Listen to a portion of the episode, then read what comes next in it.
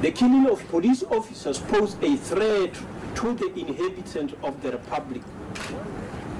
Noting with uh, disdain the killing of uh, members, the Directorate will continue to ensure that those who commit these uh, atrocious deeds are brought to book.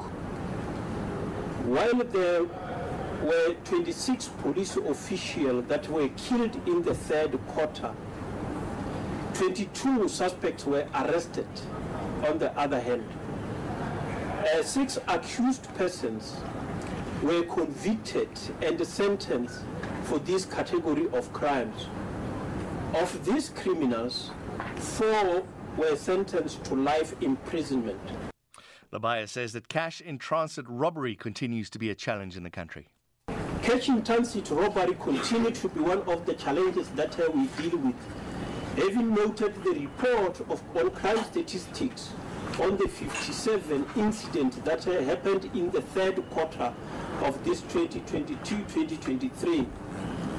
21 arrests were effected, with three of those who have uh, unfortunately passed during the uh, process of uh, arrest during the exchange of gunfire with either the police or the security Uh, company.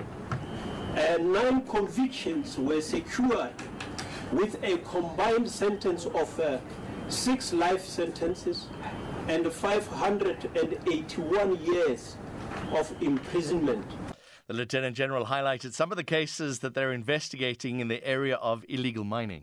Six members of organized criminal group uh, arrested In 2018, the DPCI registered a project called Gillette for the purpose of conducting an unconventional investigation on a seven-man organized criminal group involved in illegal mining activities. The seven suspects were arrested after gathering sufficient evidence. Evidential material to the value of 500,000 rand was also seized. The suspects are alleged to be buying gold bearing material from the Zamazamas, process it, and sell it to the next level of uh, criminal hierarchy. Six suspects, that is Bentuel Ngobeni, Mtlatlalion Makwaza, uh, eh, Tawo uh, eh, Sichele, uh, eh, Musegi Sichele, uh, Dumisa Moyo, Kuzwai Mashaya, were arrested in Cantonville uh, in Kuzon, where 13 high-performance vehicles and a truck were seized. The multidisciplinary uh, team consisted of the Hope Serious Organized Crime Investigation, Howden in Howden, working together with the head office forensic services, crime intelligence, explosive unit, uh, and house bullet, as well as the Department of Home Affairs. The team also recovered unlicensed uh, homemade uh, firearm. And finally, Naif shares further details on arrests in the area of narcotics and the impact on the economy.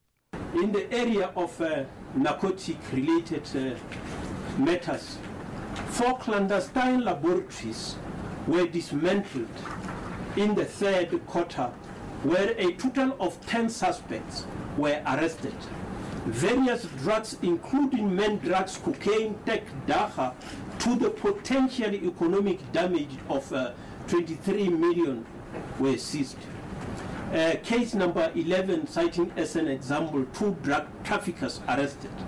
On the 11th of December 2022, two Nigerian nationals, Isaiah Okoyo and Israel Okeke, were arrested on the NY, N1 Belleville, Western Cape.